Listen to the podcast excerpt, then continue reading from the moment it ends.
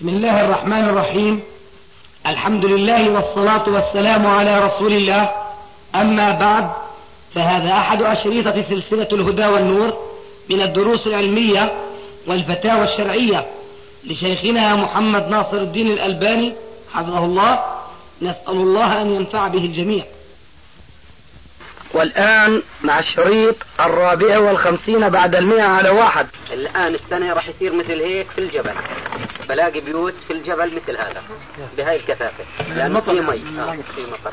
لما بكون جفاف يكون ضعيف. كيف هذا شيخ ما شاء الله.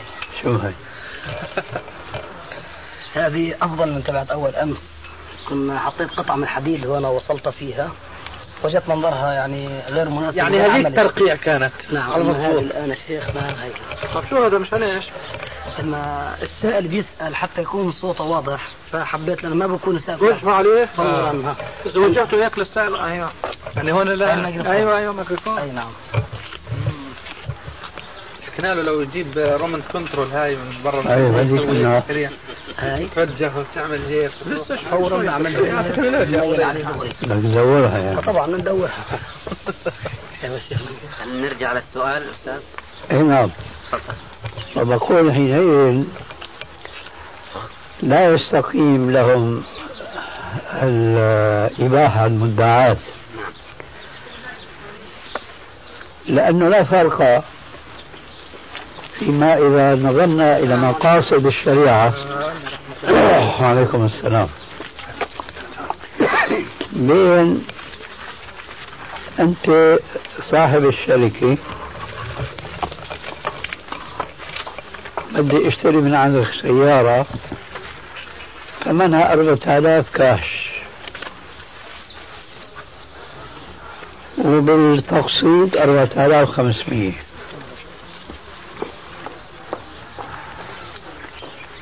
بقول لك سواء في هذه الصورة مباشرة أو في صورة أخرى أنت صاحب شركة وغني. بقول لك من فضلك أقرضني أربعة آلاف. بتقول لي بدي كما يسمون اليوم فائدة بدي خمسمية. هذا حرام. ما في إشكال فيه. طيب. وبخاصة إذا أوضحت ليش بدك أربعة آلاف؟ والله بدي أشتري سيارة ثمنها أربعة آلاف.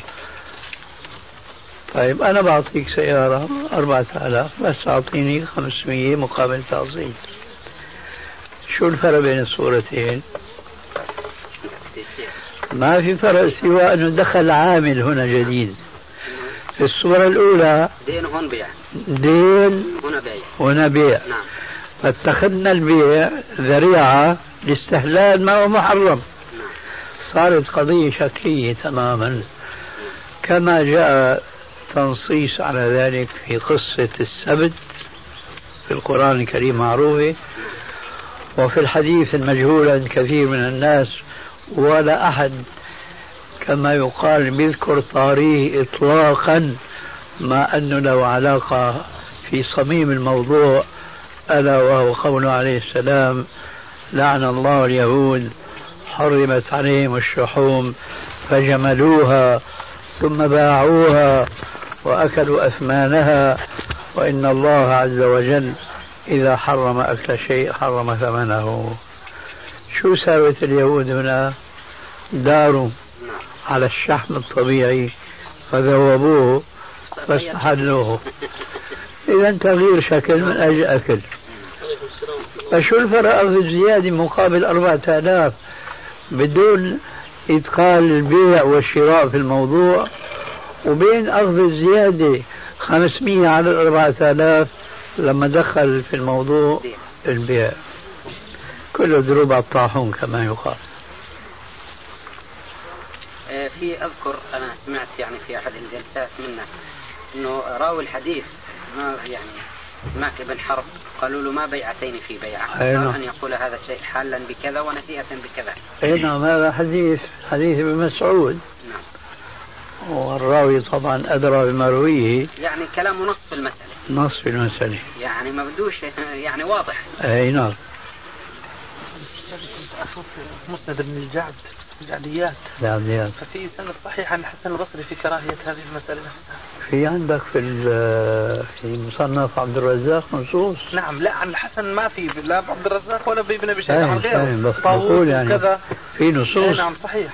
يعني قضية مش بدأ من القول. مش زي ما بيصوروها إنه متفق عليها بين جماهير. العلماء ومش عارف إيش. أعوذ. بالله. خاصة هون لما بيحكوا باسم الفتوى والفتوى بيعملوا جلسة عن ندوة علمية مجمع أو كذا. إيه، أعوذ بالله. جماعة يعني يريدون هدفا ويجمعون له كل ما يؤيدون به دون أن يتحروا الصواب من ذلك.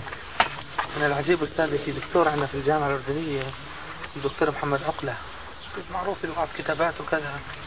فله كتاب طابعه جديد اسمه بيع التقسيط في الشريعة والقانون. حكم بيع التقسيط في قانون. الشريعة والقانون.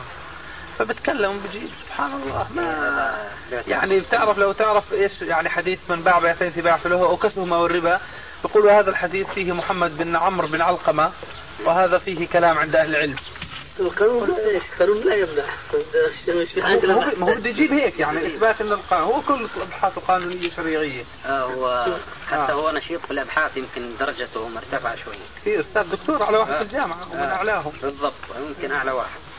لأنه نشيط في الأبحاث. في شيء سبحان الله. لكن فيه يعني زيادة فائدة بذكرها إنه ناقل مذاهب الفقهاء اللي بيقولوا في التحريم في كثير يعني من الفقهاء السابقين يعني غير آه. اللي كثر خيره آه هذا كويس يعني. كويس. ونقل السلام يعني برجح لابد اللي بيقولوا. طبعا هو يرجح الجواز. وفي دكتور اسمه أمين المصري يبدو هذا في السعودية أو في كذا بيقول له قول متوسط في المسألة.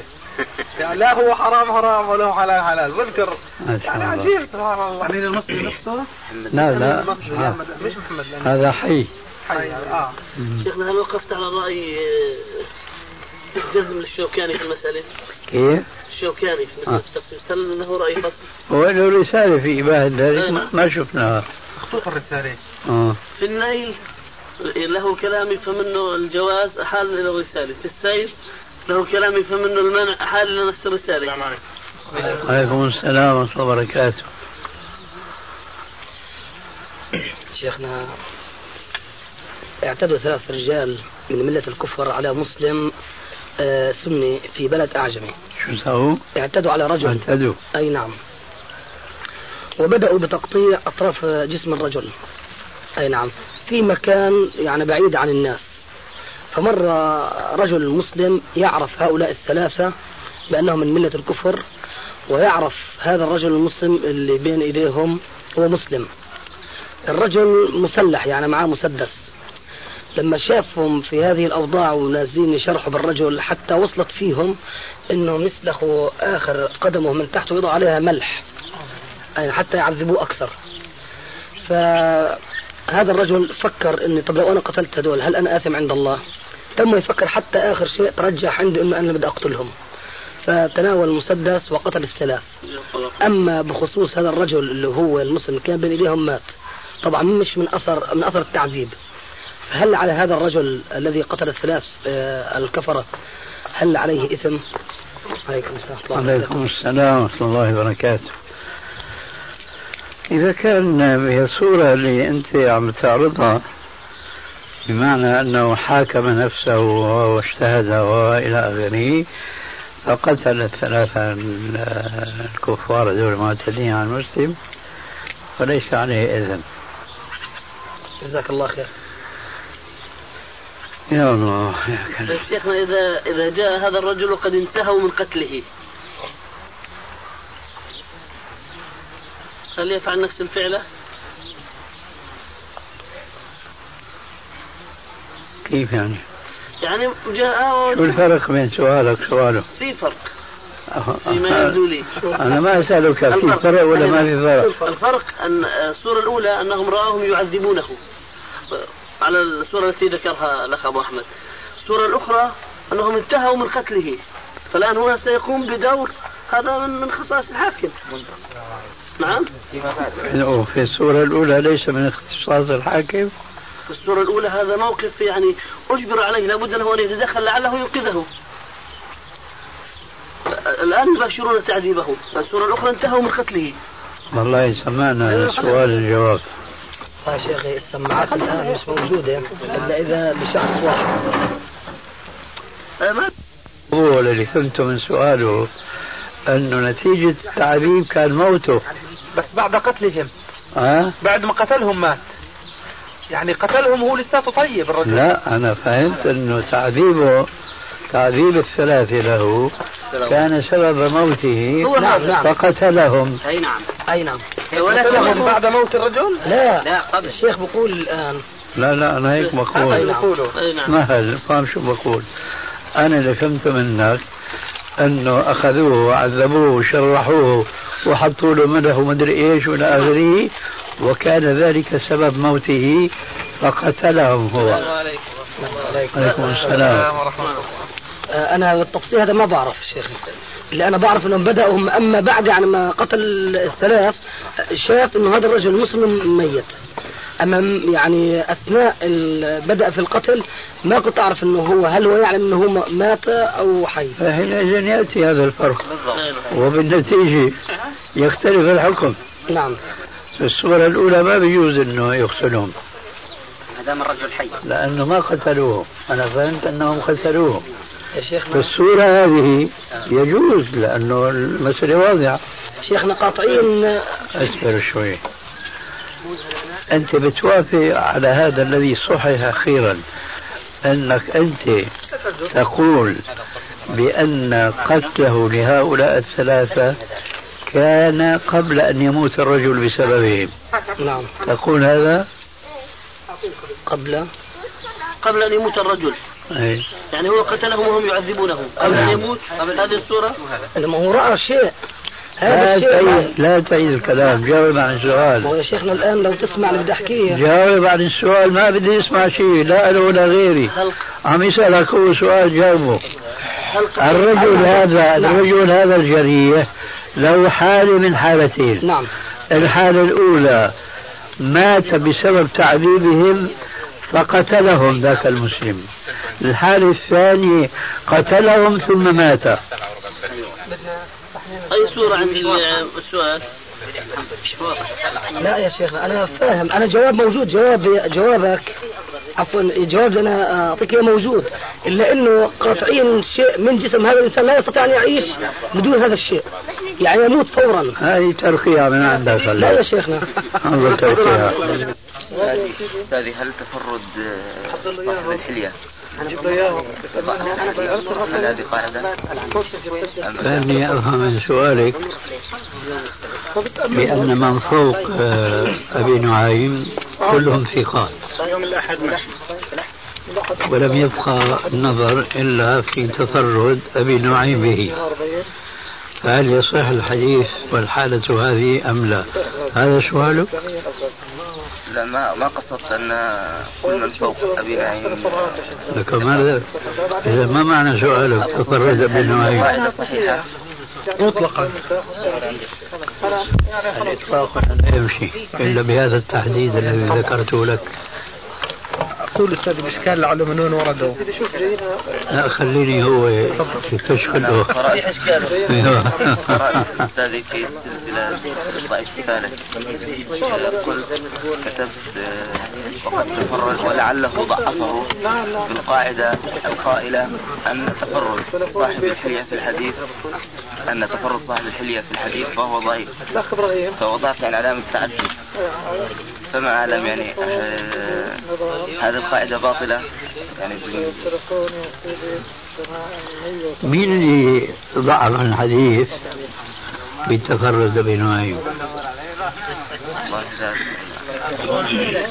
فلعل قلت فلعل معليش أنا ما بيهمني الآن شو قلت أنا بدي أفهم السؤال. شو قال وشو قال لحتى أعرف شو جاوب. نعم. يعني تريد أن تفهم عما تتكلم. أنا الحديث. أنت ضعفته اسمع. أي حديث؟ رواه أبو نعيم. أصبهاني. وكان إسناده منه إلى الصحابي صحيحا فهو صحيح. ولا أعتقد أن طالب علم يعرف ثقة أبي نعيم وحفظه وضبط وضبطه وإتقانه في الرواية كما جاء ذكر ذلك في ترجمته مع ميله إلى شيء من الصوفية التي لا نقره عليها. لا أعتقد أن طالب علم يعرف هذه الحقيقة. يجد حديثا يتفرد برواية أبي نعيم وليس في سند أبي نعيم مغمز فهو يغمز فيه ويضعفه لأنه تفرد برواية أبو نعيم. هذا اعتقادي. أما الذي أنت تشير إليه فما أدري ما حقيقة أمره. هذا ما قصد تقول أستاذي أنا. تفضل. أستاذ لعله في في نهاية خطبة الجامع الكبير للسيوطي يقول وما تفرد به ابن عساكر في التاريخ وكذا يغني فأظن ذكر الحلي ولا ما ذكر الآن يغيب عن ذهني فلعله من هذا الباب. لا ما, ما ذكر, ذكر الحلي ما ذكر. حتى من ذكر. ليس قاعدة مضطردة. هذا هو. ربما تجد في أسانيد صحيح. إيه نعم في في في ابن عساكر الشيخ أكثر من موضع في الصحيحة جايب أسانيد صحيحة منه. اي نعم. السلام عليكم. عليكم السلام. وعليكم السلام ورحمة الله وبركاته. موضوع جيران المسلم أستاذ الحكيم أنا يكفي على الهاتف. إيه، كم من الأعداد؟ كما كلهم موجودين. طيب. والله بنحب يعني تفصيل شيخنا قبلها يقال هذا الكلام كما يقال في مسند الفردوس نفس الكلام أو أو مسند الفردوس اذا لا لا قاعدة ليست مضطردة غالبية. كذلك في مسند الفردوس. أي نعم. الذي يدرس مسند الفردوس كثيرا ما يجده. يعلق الحديث تعليقا. ولا يسنده إسنادا كما هو شأن كل المؤلفين أو أغلب المؤلفين. فهو كثيرا ما يقول قال أبو الشيخ يعني الأصبهاني بن حيان. ومعنى هذا أنه نقله من كتاب كتبه التي لم تصل أكثرها إلينا اليوم. فأبو الشيخ أيضا حافظ مثل أبي نعيم وأعلى طبقة منه. فإذا كان الإسناد بين أبي الشيخ وبين الصحابي صحيحا فلا يضر في ذلك كونه في المسند معلق عليه. نعم. آه. كذلك يقول مثلا عن الحاكم قال أبو الحاكم أبو عبد الله وهكذا. المهم أن ما تفرد الديلمي في مسند الفردوس يقال ضعيف كقاعدة أغلبية. الغالب فيه. وليس قاعدة عامة نعم سيدي لعل هذه يعني هذه الأشياء شغلة القواعد وردت إليه من القاعده اللي بذكرها ابن الجوزي. أظن أن كل حديث ليس في الأصول وكذا. هذا الباب. الله. هذا هذا أيضا ليس على أيضا. عام صح؟ آه. ليس على إطلاقه. أي نعم. آه، نعم. يعني القواعد اللي وضعوها علماء مصطلح الحديث يعني آه، عند التطبيق لا تكون يعني دقيقة 100% يعني الش- الشيء العملي فيه والنظري يعني بظل كلام. عند التطبيق ممكن يختلف بزيد لا هو الحقيقة كما قلنا آنفا. يعني ما في قاعدة مضطردة. هذا نفس علم الأصول. بيقول لك العام يظل على عمومه حتى يأتي ما يخصصه. ما شاء الله. بس منين الله سلمك كنت تهبط وتهوي الفردوية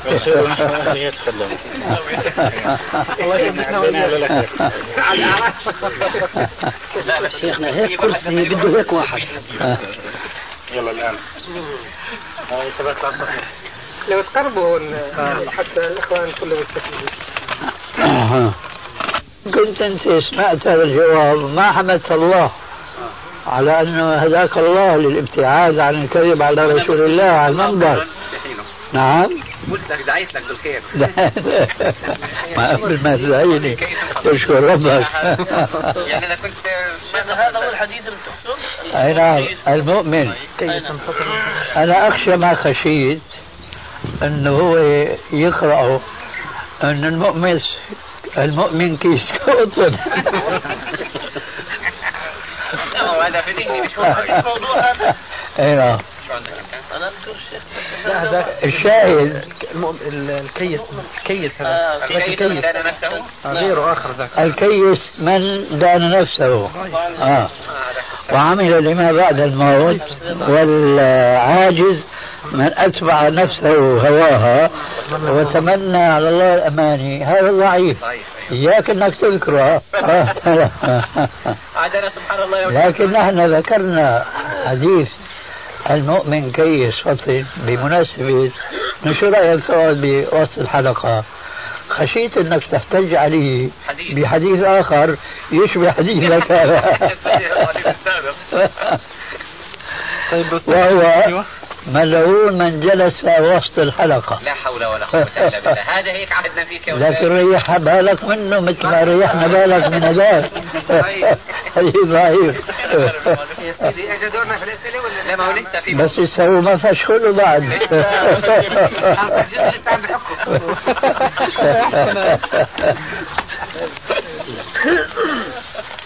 يا أبو يحيى بدنا نقربه شوي عشان الصوت. والله بصير بعدين بالبسط الحلقة. لا إلا الأدب. حتى ما بده الحديث الضعيف ينطبق عليه شوف ما الورق شاء الله.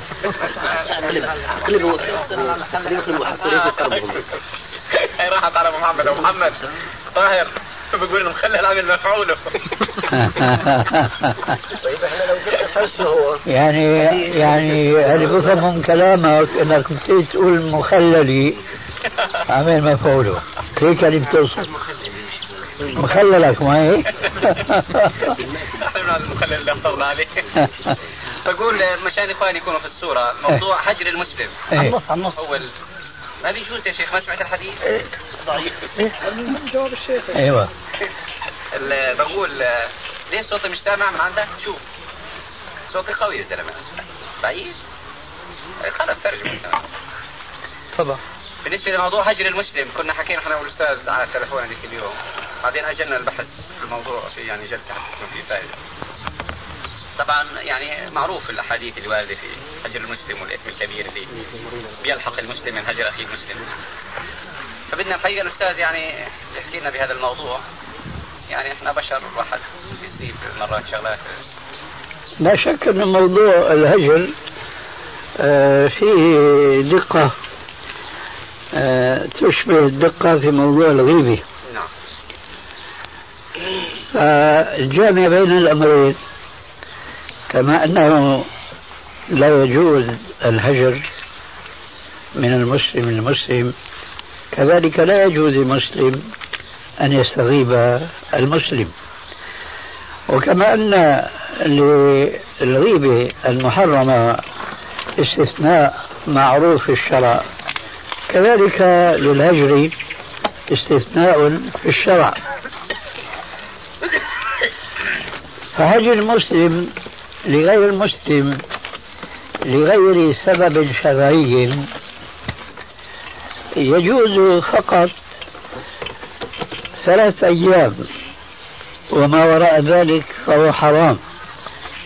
للحديث المعروف في الصحيحين عن النبي صلى الله عليه وآله وسلم أنه قال لا يحل لرجل مسلم أن يهجر أخاه فوق ثلاث يلتقيان فيعرض هذا عن هذا وهذا عن هذا وخيرهما الذي يبدأ أخاه بالسلام. ففي هذا الحديث بيان تحريم الهجر مع الترخيص بالهجر في هذه الأيام الثلاثة أو الليالي الثلاث وهذا في الواقع من ضعف الإنسان الذي خلقه الله عز وجل ووصفه بقوله وخلق الإنسان ضعيفا آه، ربنا عز وجل تلطف به فأباح له من باب الترويح عن غيظ نفسه بالنسبة لأخ له مسلم. هجره فلا يجوز له أو يجوز له أن يهجره. هذه الثلاث أيام ثم ينتهي الأمر. فإذا ما زاد على ذلك يصبح الهجر محرما. بنص هذا الحديث الذي قال في أوله لا يحل أي يحرم. أما المستثنى منه كما قلنا أو كما أشرنا إلى المستثنى من الغيبة المحرمة فليس ذلك إلا إذا كان الباعث على الهجر هو تربية المهجور وصرفه عما قد يكون واقعا فيه من المخالفة الشرعية. فإذا هجره المسلم لهذا الغرض وهو كما هو ظاهر غرض إصلاحي لنفس هذا المهجور جاز وإلا لم يجوز ويعود الحكم إلى الأصل وهو أنه حرام بعد ثلاثة أيام.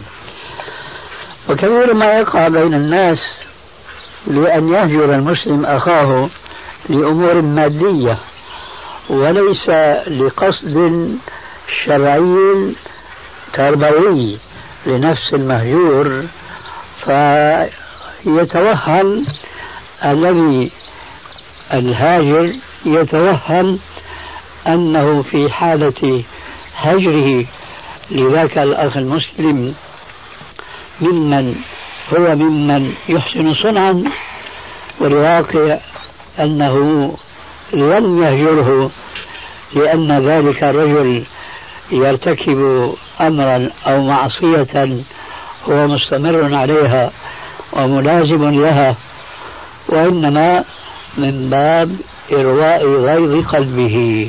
ولذلك فمسألة هجر المسلم لأخيه المسلم الهجر الشرعي هو من أدق الأمور التي يجب على المسلم أن يكون آه، حذرا أشد الحذر من أن يتورط ويقع فيه ويخالف في الحديث السابق المحرم للأجر وهو لا يدري ولا يشعر يعني أستاذ بنسحب قولنا على قولنا السابق في موضوع الغيبة إنه النية هي اللي بتحدد الجواز وعدمه. نعم بس النية بلا شك هو مرجع الأعمال كلها للنيات لكن الذي أردت أن ألفت النظر إليه أن الإنسان ينتبه لنفسه فلا يهجر أخاه لسبب دنيوي محض فيصور له بأنه إنما هو هجره بنية تأديبه. وقد وقد يكذب إنسان مثلا ويفتري فرية فيهجره وليس هذا هذا الكذب أو هذا الافتراء هو من طبيعة ذلك المهجور وإنما على الإنسان أن ينصحه وأن يذكره بتحريم ما فعل. وإلا إذا فتح باب هجر المسلم لأخيه المسلم لمجرد أنه ارتكب خطأ هذا معناه أنه يجب على المسلمين أن يتهاجروا وأن يتقاطعوا وأن يتدابروا وأن لا يكونوا إخوانا كما وصفهم الله تبارك وتعالى. هذا الذي أردت أن ألفت النظر إليه. بعدين الدين النصيحة. من الله. الدين النصيحة. يعني إذا لم تحقق الغرض من من التأديب من يقرر أن التأديب قد حصل الدرس قد أخذ؟ إذا ظهر من الرجل المهجور التوبة والإنابة أو على الأقل اعتذار عما فعل ليس لنا أكثر من ذلك. يعني إذا أصر الهاجر رغم توبة المهجور فشو دور الآخرين المسلمين الآخرين الأصحاب في هذا الأمر. جميل. بعد أن تاب تاب الرجل نعم عن خطئه. ليش كان والهاجر, والهاجر ما زال على هجره ومصرا عليه. فهل هناك دور للأصحاب والأقارب والأهل.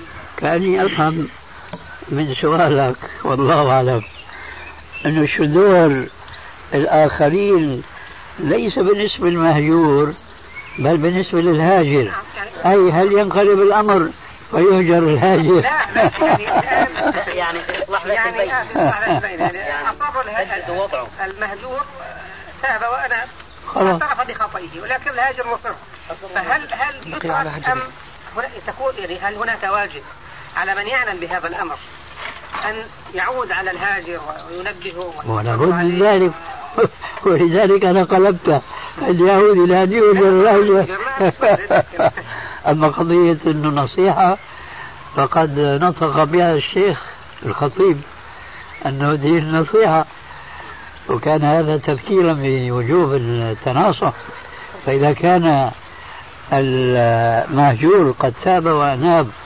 واستمر الهاجر في هجر إياه فهو مخطئ. لا نقول نحن الآن بقلب الدور كما ألمحت آه، يعني مازحا آنفا.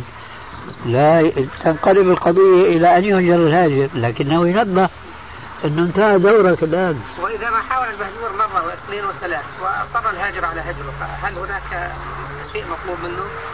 آخر أم خلاص؟ المهجور نعم. المهجور ال- عفوا المهجور فعل ماذا؟ حاول أكثر من مرة أن يسلم على الآخر يتقرب إليه وهذاك رفض وأصر. إلى أي مدى بظل يعني؟ أم خلاص يسلم أمره؟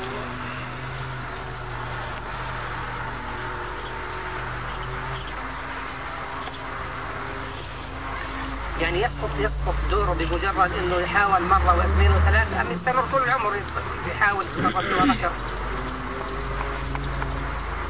أنت أبو يحيى بتكلم عن مهجور. المهجور حاول مع الهاجر إنه يعني يصلح ذات البين مرة أخرى. وحاول طيب. معه مرة واثنين وثلاث وهذاك مصر على موقفه. طيب. فدور المهجور الآن ينتهي بمحاولة بالثنتين ثلاثة ولا ظل طول العمر يحاول يقرب له؟ لا هذا مش معقول. هذا يعني سؤالي. كويس. بعد أن وضع سؤالك فهو انتهى واجبه وتنقلب القضية على الهاجر فيكون هو يعني آثما في الهجر ولذلك قلنا أنه ينصح لأنه لا يجب على المهجور أكثر مما ذكرته آنفا. إلا إذا كان هناك يعني المسألة تأخذ فرع ثاني هناك حقوق مالية مثلا مثلا. وهذا المهجور لا يؤدي هذه الحقوق. ما ما ما تاب. تاب ولا أنا. ولذلك أنت ما تقصد هذا. الآن إذا انتهى الدور. يتفرع عن هذا السؤال سؤال آخر إنه قد يكون الهاجر الحقيقة كمان يعني هو ما ما ما ما قصر الأمر على نفسه. يعني عمموا إلى أهله وأولاده ومنعهم من الحديث مع الآخر ومع أولاده وما شابه كذلك يعني الآن وقد تبين للجميع أن الرجل تاب وأناب. نعم. نفس الكلام لا يجوز لهؤلاء أن يستمروا في ذلك. طيب آه، يعني انسحاب الموقف حتى اذا نفس القضية بين اثنين. فحتى لو الآخر الها- المهجور ما تاب فرضا يعني مع علاقه أولاده وأسرته علما بانه كل إنسان م- مكلف بذاته. يعني في قضية بين الشخصين الاثنين يعني تقصد يحيى أنه المهجور له أولاد نعم. فهجروا نعم. أيضاً بسبب- بسببه بسببه. نعم. هذا لا يجوز. لأنه لا تزر وازرة وزر أخرى. في الرواية اللي عن سيدنا عثمان رضي الله عنه مع ابو مع عمار بن ياسر. أيوة. مدى صحتها انه عندما عمار حمل إلى خليفة رأي المسلمين بتق- بتقريبه آه، اقربائه وتوليهم ال- ال- المناصب يقال السلام يقال أن عثمان غلط عليه وهجم عليه حتى وبعدها عمار حلف الا توكل على الله إذا ما سجلتم تسجل هون. لا تسجل عليه. واضح من الأحاديث الكثيرة. بدنا الدليل الأحاديث اللي تبيح وتجيز للمسلم الهجر. الهجر واقع بين بين بين لا نسمعها نسمعها بين الصحابة على الثلاثة الذين خلفوا حيث هجروا خمسين يوما. دليل نص القرآن. أي نعم. بس هذا الدليل يعني على أساس بعدين- انه هذا ينطبق على المسلمين بشكل عام ولا لأنه هو دليل من؟ السماء؟ يعني في غيره كمان دليل إيه، يوضح لنا غير لأنه هذا الدليل لا أخي قولك أبو عبد الله في دليل آخر. نعم. هذا ما هو الأسلوب العلمي الذي ينبغي أن يلتزمه طالب العلم. هذا مين هذا لم يحكي سوريا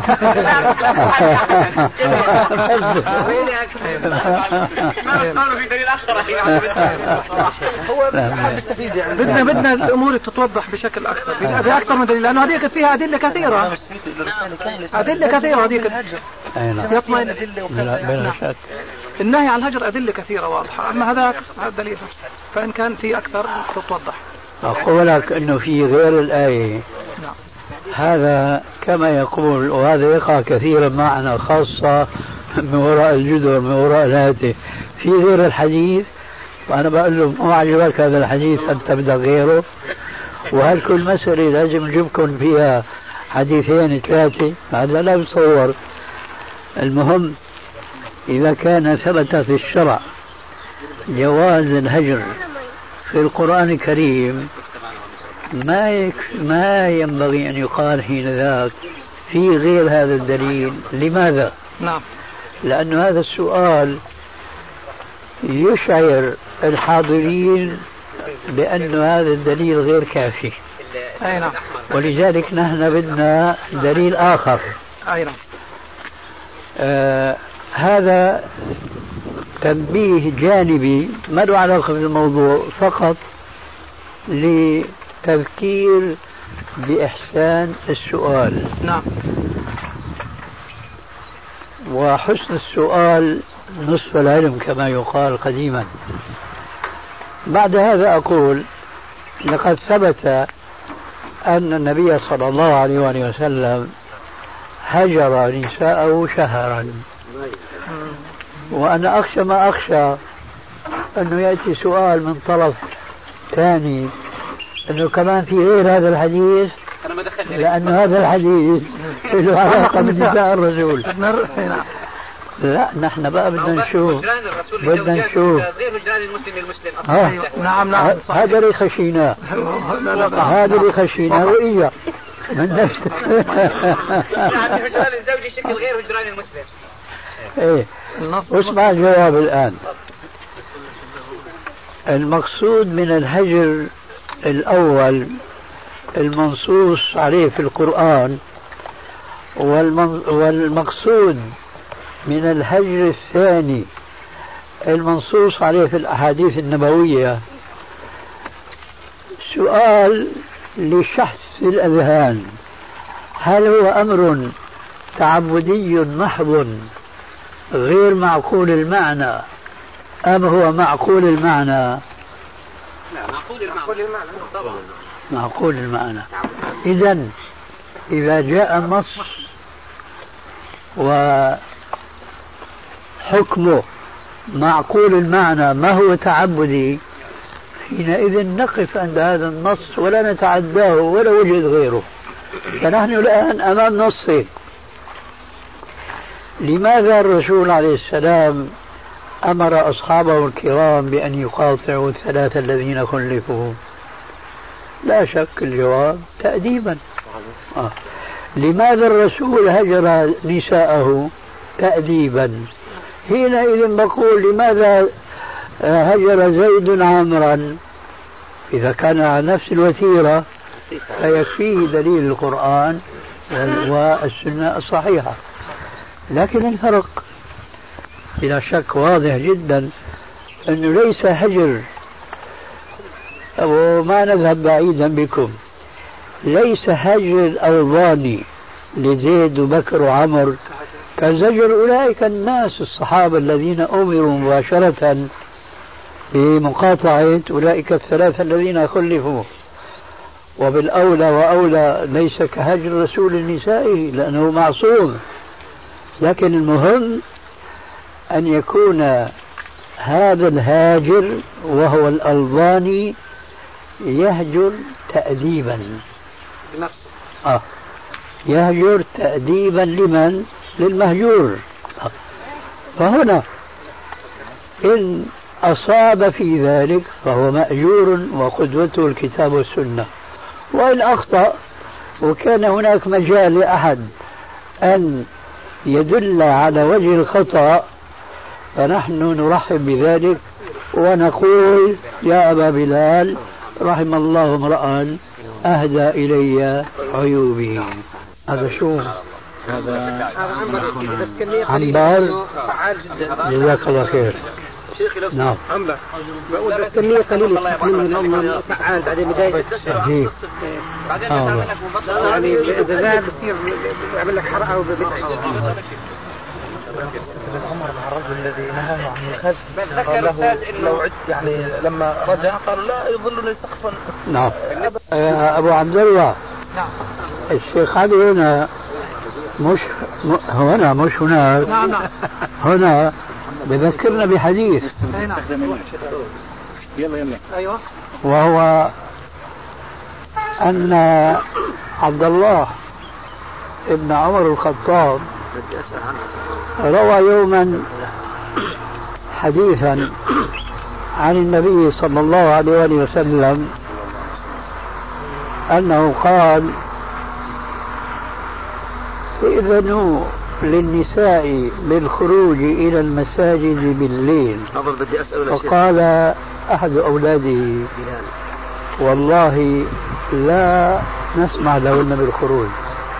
قال الوالد لولده أقول لك قال رسول الله كذا وكذا وتقول لا أفعل والله ما كلمتك أبدا.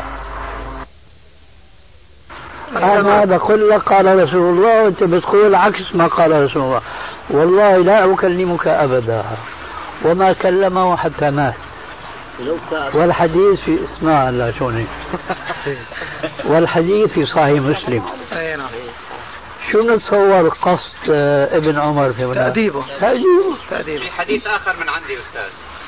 واحد. الظاهر غرت من تمية لعله ولا علي واحد؟ ما بيصير هاد بنشوف بس إن شاء الله يكون حديثك مثل حديثه قوي قوي. آه، قوي. ما يكون مثل حديث كيس قطن آه. هات نشوف واحد من الصحابة بي- بيخدم بيصيد بالخز آه عبد الله بن مغفل ينكر على أحد. أيوه. فجاء له صحابي آخر لا اذكر الان الأسماء. قال له إنه الرسول عليه السلام نهى عن الخز اللي هو ضمن هذا بالضرب الحصوي هذه. فوجدوا لا مش بالنبل بالايد بالايد آه، هيك. بالايد نعم نعم نعم. يعني مرة أخرى فوجد هذا الصحابي برضه بيعمل عملته. فقال له أنا قلت لك الرسول عليه السلام نهى وأنت لا تزال تصيد بهذا ال- قال له إني لا أكلمك أبدا. نعم.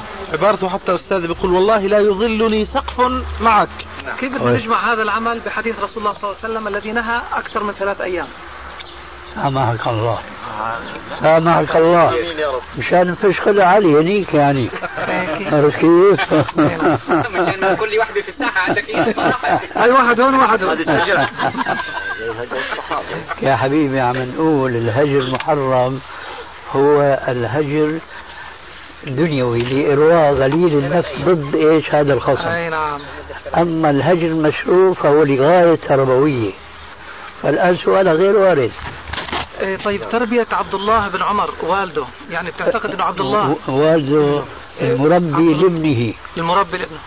ابنه بتعتقد إنه يعني على صحابه من صحابة رسول الله ما يعني ارتدع وجعله إنه خلص ابنه. هذه قضية أخرى ترجع بتسلم على صاحبنا أبو بلال هون. هذه قضية أخرى. نحن عم نبحث عبد الله بن عمر لماذا هجر ابنه وما كلمه حتى مات تأديبا على موقفه الخاطئ تجاه حديث الرسول عليه السلام. ما قضية تاب ولا ما تاب هذه ما بتهمنا نحن في الموضوع. نحن بهمنا نعرف لماذا هجر عبد الله ابنه. هل هو يعني لإرواء غيظ نفسه ولا انتقاما لحديث نبيه وانتصارا لحديث نبيه؟ هو هذا بلا شك. فإذا هذا هو الفرق بين الهجر المشروع والهجر غير المشروع يعني اثنين بيتخاصموا مع بعضهم بعض. وهذا كثيرا ما يقع. لأمر دنيوي. فكما قلنا في شرح الحديث والتعليق عليه ربنا سمح. لا ثلاثة لا اثنين دون أنه يتهاجروا ثلاث أيام. وبعدين خيرهم الذي يبدأ أخاه بالسلام. لأنه ما في هنا هجر لله. الهجر لا بيستمر. إلا إذا ظهر جليا كما قلنا أيضا في تمام الحديث السابق أن المهجور تاب وأناب إلى الله. مثلا إنسان لا يصلي فهجره أخوه أو صديقه أو حميمه إلى آخره. وبين له سبب الهجر مو يخليها مع مالك لأنك أنت ما بتصلي. مر مدة طويلة قصيرة وشمه وبدأ الرجل يتوب يصلي لله عز وجل. راح السبب مبرر له للأجر وهكذا. يعني المناسبة بقي ابنه على الحالة هي؟ ويعرفنا. نحن نعرف اللي جاء في الحديث وبس. كما يفعل بعض الناس معي. من المجادلين بالباطل مرة في دمشق. والشيء والشيء يذكر فيه فائدة فيه علم. جاءني إلى الدكان. آه، رجل كهل عرفت فيما بعد بأنه كان ضابطا في الجيش التركي. اسمه نجم الدين بيك. بيك. أعطاني ساعة قال لي شوف لي إياها شكى منها ومن تصيها عن ساعتي كثيرين وما نجح. وأنا عم أفتح الساعة مشان أفحصها. بيبدأ بيمدح وبيقول أنتم ناس طيبين وكذا وإلى آخره ما وأنا يومئذ شاب يعني لهيتي زغبرة. شوي هون شوي هون إلى آخره. قلت له يا أخي أنت ما عملتنا ولا مرة. فهذه التزكية أو هذا الثناء يعني فيه تسرع قال لا المسلم المسلم له نظرة. ورسول الله صلى الله عليه وسلم يقول هنا الشاهد اتقوا فراسة المؤمن فإنه ينظر بنور الله. وقلت له يومئذ أذكر جيدا لا تغرك هذه إلا بعد ما جربنا. قال لا وأعطاني الجواب. قلت له أنا هذا الحديث ضعيف. لا حول ولا قوة. وأنا بدك تقول طفل يعني بالنسبة له. طبعا. تعجب من هالكلمة هي. يمكن بحياته ما سمعها من واحد. والله صدقت يعني ما قال لي كيف هذا ضعيف؟ بتقول أنت ضعيف أنه نحن قرأناه في الأمس القريب على الشيخ في الرسالة القشيرية. قلت أنا بنفسي ما شاء الله المستند هذا العظيم. رسالة قشيرية عبارة عن رسالة في آداب الصوفية يعني. لكن هو الفرق الحقيقة أنه قشيري هذا بيذكر الأحاديث بالأسانيد خلافا للمتأخرين من الصوفية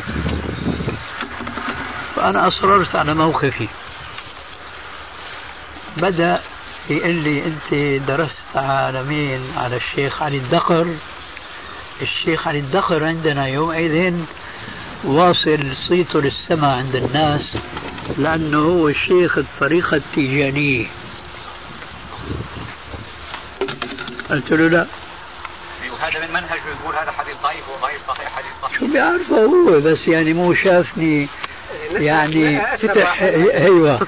يعني شافني الشيخ بيعرفه في في العلماء لما بيترجموا بعض بعض العلماء بيقولوا علمه أكبر من عقله. وبالعكس بيقولوا أحيانا عقله أكبر من علمه وهكذا. فانا شافني علمي أكبر من سني. على مين قرأت؟ على الشيخ علي الدخر؟ لا. إذا على الشيخ بدر الدين الحسيني. هذا كان محدث ذاك الزمان في دمشق الشام. قلت له لا ما كان يدخل في عقله إنه أنا عملت شيء لا من هنا استفدت ولا من هنا من هنا المهم نهاية المطاف قال لي إن شاء الله بدي أجيب لك سند الحديث. ساعة اتفقنا عليها أنه يتركها عندي أسبوعا ويجي ياخذها إن شاء الله. بعد يومين ثلاثة وأنا في الدكان. كانت دكانتنا واجهتها غربية. في الصيف لما بتضرب الشمس عليها تصير حار. بنزل الحديد وبخلي طاقة صغيرة. إذا واحد له غرض شيء من عندي ممكن نتفاهم نحن وياه ما حسيت إلا ورقة صارت في حضني.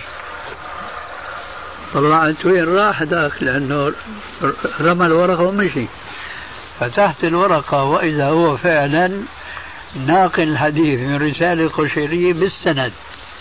بيقول حدثني فلان قال حدثني فلان هيك إلى آخره.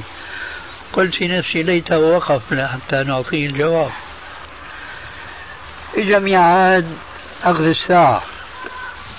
السلام عليكم وعليكم السلام. خلصت الساعة ما تفضل. قال لي قرأت الورقة قلت له نعم.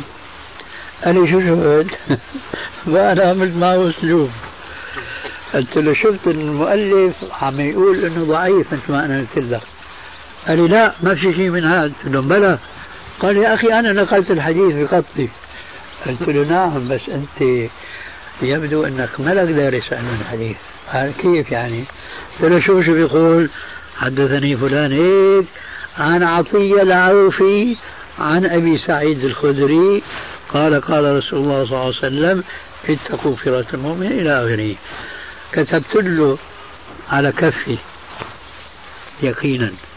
يومئذ ما في هذه الأقلام اللي حبر ناشف كانوا يسموه كوبيا. إيه. وهذه الكوبيا تكتب فاتح لكن إذا بتغمقها بدك تعمل هيك فأنا غمقتها. كتبت له آه، العوفي هيك شخطين يعني يساوي. عند علماء الحديث ضعيف. ازداد الرجل إيش؟ دهشة على دهشة سابقة. شاهد راحت أيام وأجت أيام انتقلت أنا من دكانة والدي إلى دكانة خاصة. واذ فوجئت مجيئه هو تقول سنتين سنتين. وشيخ اسمه الشيخ محمد الديراني. هذا الشيخ محمد ديراني مع الأسف الشديد. مصداقا لقوله عليه السلام. إن الله لا ينتزع العلم انتزاع من صدور العلماء إلى آخر الحديث. هذا كان يدرس الحديث تحت الأبة في المسجد الأموي. هذه مين يدرس فيها كبار العلماء؟ من جملتهم الشيخ بدر الدين الحسيني. وهذا من تلامذته ورث عنه فكان يدرس هناك الحديث. وشو معنى دراسة الحديث؟ بيلقي الحديث بالسند والمتن ولا هو فهمان السند. شو معناه مثل ما بينا له لهذا نجم الدين بيك أنه أعطيه العوفي يعني ضعيف. ففاجأني بمجيئه بعد نحو سنتين. مع هذا الشيخ محمد الديراني. وسبحان الله يعني تقادير الله عجيبة جدا يوم يوم جمعة. وعادتي في يوم الجمعة بفتح دكان ما بشتغل. بس بفتح الدكان لتلقي الزبائن هل بدي أحط ساعة أو بدي أخذ ساعة؟ لأنه دكانتنا على طريق عام القصار بمروا فيهم فلاحين من الغوطة. وبقرأ في ذاك اليوم فقط إذا جاني زبون بده ساعته بده يصلي ساعة باخذه لكن ما بشتغل كنت عم أقرأ في الترغيب والترهيب. نفس النسخة اللي هلأ موجودة عندي وقسمناها إلى صحيح وضعيف وإلى آخره. لما دخل الشيخ ومعه نجم الدين بيك قمت وهذا نادر ما أفعله. قمت إليهما واستقبلتهما وأجلستهما كان معروف عندك من قبل الشيخ الديراني. بعرفه بشكل نعم الشاهد ما كاد أن يجلس إلا نجم الدين بيك رأسا بوجه السؤال يعني الظاهر خطة مرسومة. بأنه صحيح يا شيخ أنه حديث اتقوا فراش المؤمن فإنه ينظر بنور الله حديث ضعيف قال لا هذا حديث صحيح رواه أبو داود وفلان وفلان. كان تخريجه روايته صحيحة. ما أخطأ. وهذا الدليل أنه يحفظ إيش؟ المتون والتقارير. لكن أنا قلت هذا جواب عالم الحديث. هو بيسأله حديث صحيح حديث ضعيف قال له لا. رواه فلان. نحن بنقول بلغتنا والنعم. هو إذا رواه فلان. هو ما رواه البخاري ومسلم. رواه أبو داود وفلان وفلان. طيب هذول بيرووا هيك؟ وبيرووا هيك. فكان المفروض أنه إذا كان لابد من أن يذكر رواة وينهي بسند صحيح بسند حسن. ما سمعت شيء من هذا الكلام. حكمت رأسا أنه رجل فارغ ما في عنده علم. كيف ما بدي أنا أتصرف معه؟ رأسا اشتغل كمبيوتر الإلهي. بدي لاقي له حديث ما له أصل. وبدي يسأله. هيك افترضت هون الشاهد إنه خرب لي السبة. خرب لي إيش؟ المخطط تبعي. بده يقول لي هذا حديث. عفوا قبل هذا لما ذكر لي انه رواه فلان وفلان. قلت له يا شيخ بس هدوني رووه من طريق عطية العوفي وعطية ضعيف عند علماء الحديث شو أجابني قال لو كان ضعيفا ما ذكره الفقهاء. أيوة. هذا يفتح لي طريقة الاشتغال للمخ بدي بلاقي له حديث ذكره الفقهاء. لشوف شو راح يقول لي عنه. إذا كان على علم راح يقول لي ما له أصل. راح أقول له ذكروه الفقهاء. إذا احتجاجك بقولك ذكروه ما له قيمة. وإذ خرب لي السبة اللي ما له أصل؟ جعل له أصل. يعني مثل ما نقول كنا تحت المطر صرنا تحت المزرعة.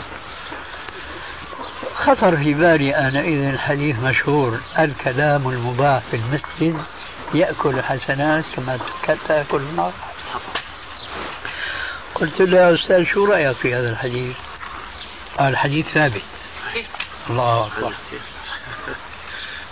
يقينا إن أحسننا الظن فهو مخطئ وإن أسأنا الظن فهو كذاب.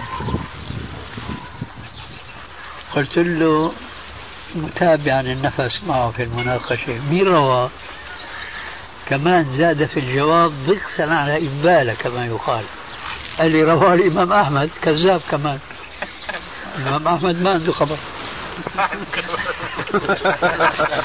مصيبة صار من النوعية هي. الشاهد. تلميذ الشيخ بدر الدين إيش؟ الإمام أحمد.